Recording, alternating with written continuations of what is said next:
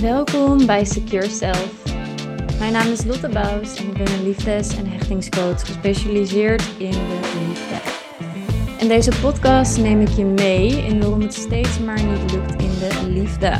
Ik neem je mee op reis in de hechtingstijlen, hoe je patronen in liefde doorbreekt en hoe je gezonde relaties kunt aantrekken.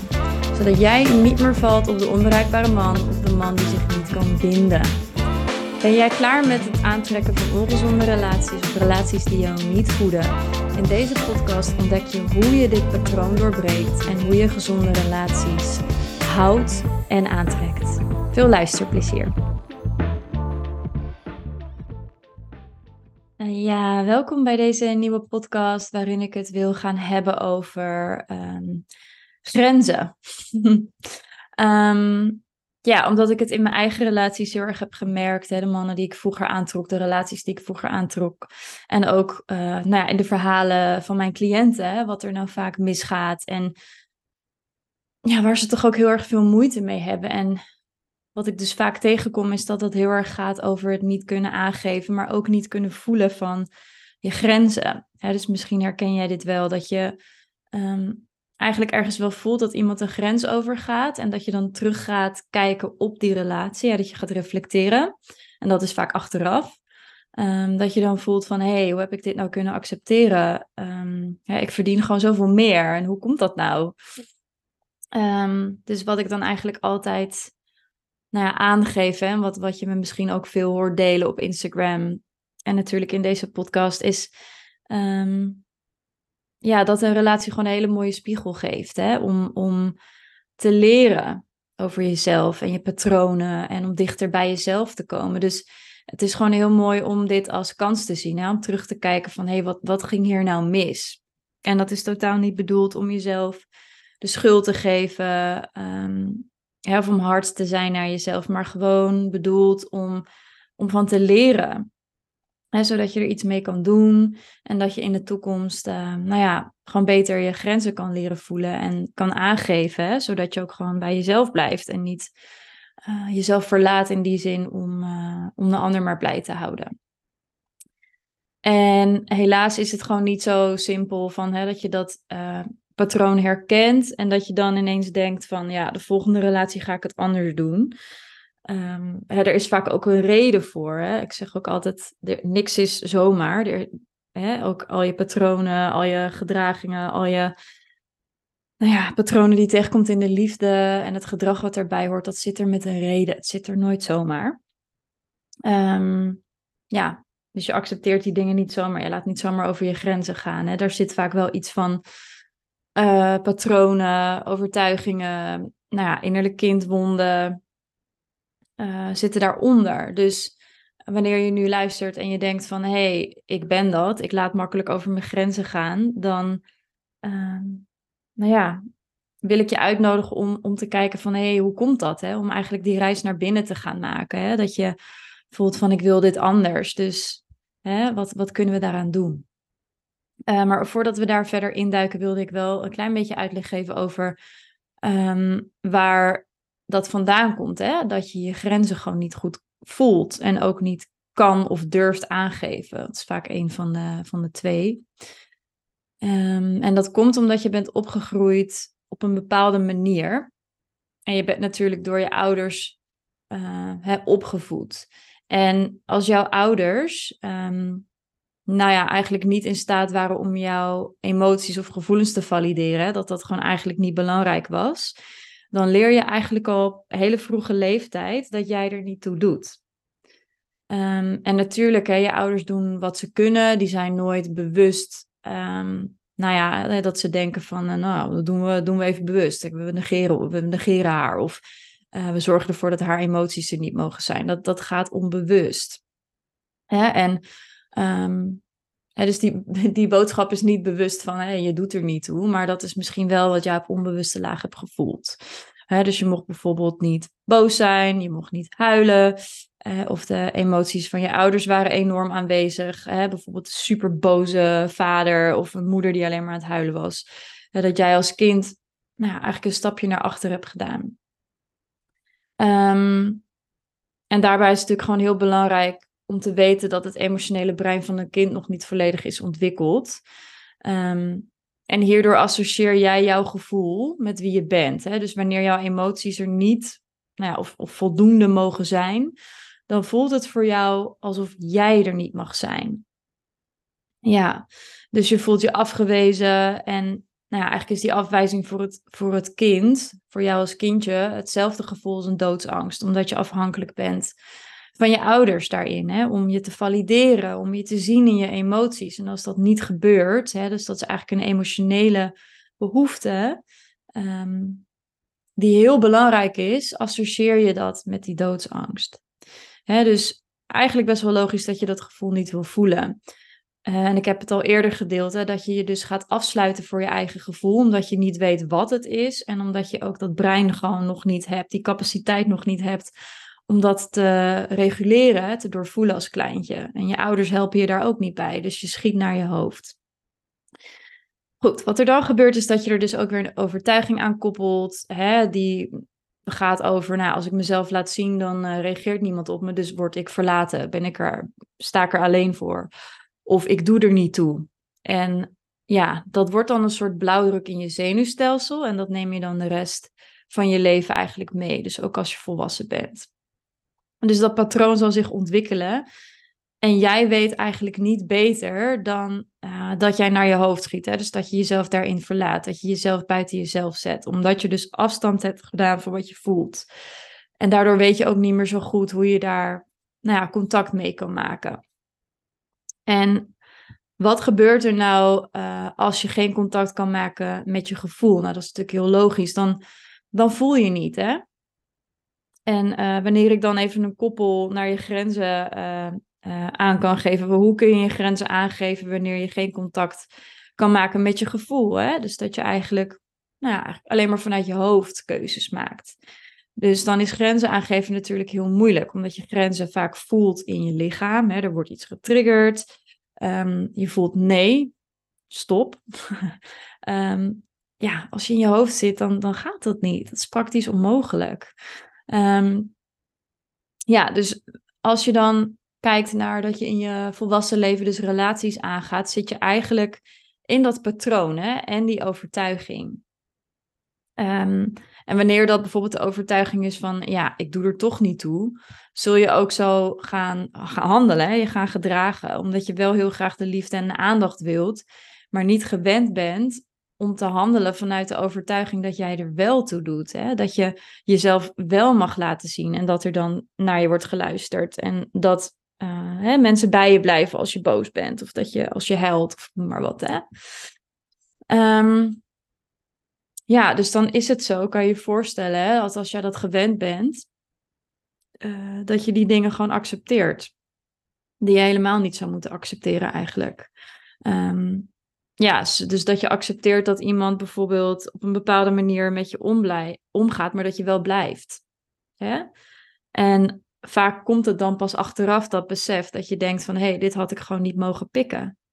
Het ging veel te ver, maar uiteindelijk heb je dat wel geaccepteerd, hè? omdat je die liefde gewoon zo graag wilde ontvangen. En omdat je hebt geleerd dat, vroeger, uh, dat het vroeger zo ging en dat dat dus liefde was.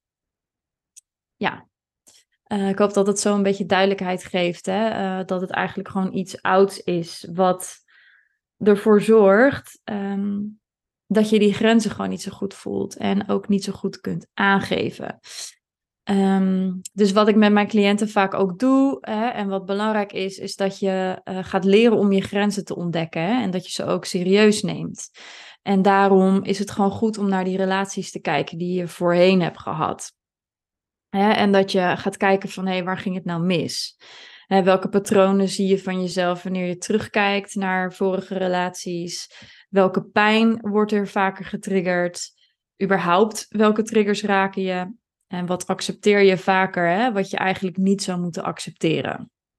En dan kun je natuurlijk nagaan van wat zit hieronder? Hè? Welke pijn zit hieronder? Hè? Heeft dat dan iets te maken met um, je opvoeding? Herken je misschien dingen van je vader of je moeder? Of zijn er dingen die je mist in je leven?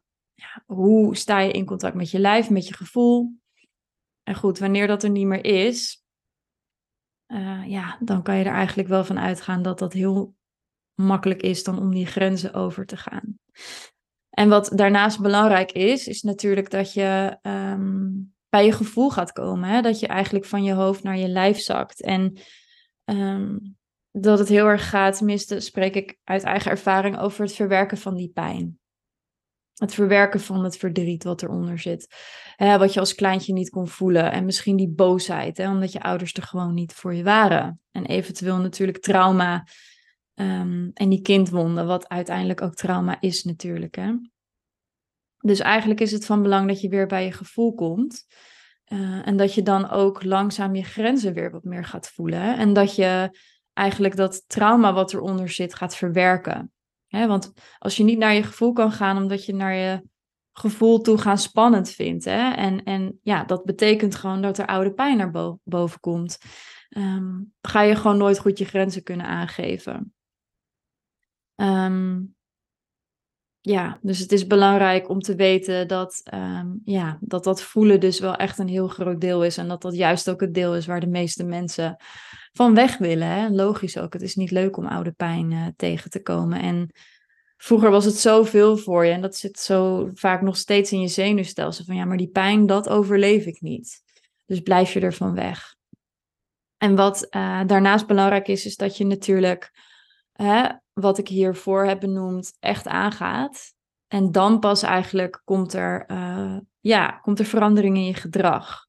Hè, dus kun je gaan kijken naar je patronen, je overtuigingen en dat dan gaan doorbreken. Maar daar moet je jezelf gewoon goed voor kennen. Jezelf begrijpen en uh, weten waarom je bepaalde dingen doet en ook je eigen gedrag gaan herkennen. Dus het uh, vraagt een behoorlijke blik in de spiegel. Um, en daarnaast is het natuurlijk enorm belangrijk om ja, zelfliefde te cultiveren. En dat klinkt allemaal zo cheesy. Ja, hou van jezelf, zelfliefde. Maar het is wel echt heel belangrijk. En voor mij betekent zelfliefde gewoon dat je een hele, hele goede relatie hebt met jezelf. En dat je zowel met je pijn kan zijn, maar ook met je pleasure, met je liefde, met de fijnere emoties. Dus eigenlijk dat je alles van jezelf omarmt. Hè? En, en dat je goed voor jezelf zorgt. Dat je in contact staat met je gevoel, met je innerlijke kind. Hè? Dat je goed eten voor jezelf maakt. Dat je beweegt, dat je sport. Hè? Dat je gewoon echt van jezelf houdt, zoals je van anderen houdt. Hè? Zoals je tegen anderen praat. En dat gaat natuurlijk ook heel erg over. Wat zeg je tegen jezelf als je jezelf in de spiegel ziet? Hoe praat je tegen jezelf? Dus het is een best groot topic. Ik zal daar binnenkort ook een podcast over opmaken omdat het gewoon iets heel belangrijks is. Hè? En uiteindelijk, wat ik hier vooral beschreef, werkt, werkt dat werk doen natuurlijk sowieso mee aan de band met jezelf hè? en de liefde die je voor jezelf hebt. Um, hè, want grenzen aangeven heeft ook gewoon te maken met, met jezelf het beste gunnen en jezelf op waarde schatten. Uh, dus wanneer jij bepaald gedrag van de ander maar blijft accepteren, zeg jij dus eigenlijk tegen jezelf dat je niet belangrijk genoeg bent, dat je het niet waard bent. En dat gaat vaak ook op onbewuste laag. En die zelfliefde, die eigenwaarde, zorgt er ook voor hè, dat jij je grenzen gewoon voelt en bewaakt en daarachter gaat staan van stop hier en niet verder. Hè, omdat je jezelf gewoon het beste gunt. Ja. En ik zou daar best wel een voorbeeld eventjes bij kunnen noemen. Dat je bijvoorbeeld een date hebt staan of een afspraakje of zo. Uh, en hij zou er om, uh, om uh, acht uur s avonds zijn. Hè? En je hebt er zin in. Zit er mooi bij. Heb je haar in de krul zitten. Mooie jurk. Lekker wijntje gekocht. En ja, dan is het inmiddels negen uur. En dan heb je nog geen, nou ja, geen appje van hem gehad. Hè? Dus je gaat hem bellen of je appt hem waar hij blijft. Um, en dan zegt hij dat hij er zo is. Goed. Hè? Dus eigenlijk als je dit vanaf een afstandje bekijkt, komt hij dus anderhalf uur te laat en hij stuurt jou niks. En jij moet hem dus een berichtje gaan sturen um, om te weten hoe laat hij er is. Ja, anderhalf uur later. Hè? En het, het is een voorbeeld en natuurlijk zijn er ook nuances in. Het kan gebeuren, maar je voelt zelf ook wel eigenlijk hè, dat in deze situatie hè, een, een vrouw die zichzelf op waarde schat. Hè, die ja, die gewoon die zelfliefde voelt, dat die daar gewoon een nee tegen zegt. Van nou, dan hoef je niet meer te komen. Hè? En wat zou bijvoorbeeld een vrouw doen die dat niet voelt? Nou ja, die zou uh, heel aardig blijven doen. Hè? En, en al komt die man om 11 uur, dan is het nog goed. Dan wacht ze wel eventjes. Terwijl je eigenlijk al voelt dat die woede, die, die, ja, die teleurstelling zo opborrelt. Hè? En ja, dat komt gewoon omdat je gewoon zo graag die liefde en die aandacht wilt. Hè? En daardoor ga je maar over die grens heen. En ja, als ik voor mezelf spreek, is dit wel iets wat ik heel vaak heb getolereerd. Of als iemand dan dus zelfs afzei. Dan ik zeg, geen probleem hoor, dan doen we gewoon morgen. En dat ik ook weer met een voorstel kwam, zeg maar. Hè? En ja, als ik terugkijk, denk ik, ik had gewoon inderdaad, ik voelde die grens niet echt. Dat was altijd pas later. En ehm, ja, ik wilde gewoon zo graag die aandacht, dat ik gewoon die grens eigenlijk niet, niet voelde. En het ja, mezelf daarin niet serieus nam. En dus wat zou nou een vrouw doen die wel die grenzen voelt en die zelfliefde voelt? Die, die zou niet accepteren dat iemand zo te laat komt hè, en ook niks laat weten. Hè, die laat niet zo met haar omgaan. En kijk, dat het een keer gebeurt, daar kan je het over hebben. Maar vaak is dit al überhaupt de dynamiek in de relatie. Hè? Of komt die helemaal niet opdagen.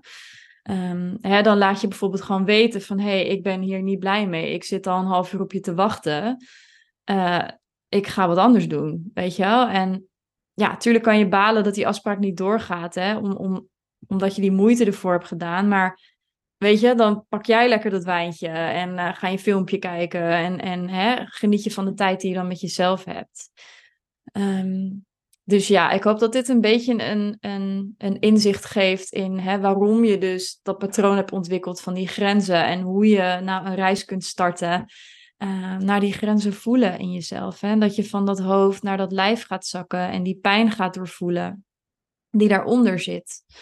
Um, dus mocht je daar hulp bij willen, uh, weet dat ik uh, nog plekjes over heb voor één op één coaching. En dat ik binnenkort ook een programma ga lanceren waarin we uitgebreid hiermee bezig gaan. Um, en dan vooral met het stukje de relatie met jezelf, met die hechting, met die oude pijn. Uh, maar in een groepsverband, zodat we het samen in community aangaan. Dus mocht je daar meer over willen weten, je kan altijd eventjes naar de link in de show notes gaan om een gesprek met me aan te vragen. Uh, weet dat je welkom bent. En uh, ik wil je erg bedanken voor het luisteren naar deze podcast. En nog een hele fijne dag.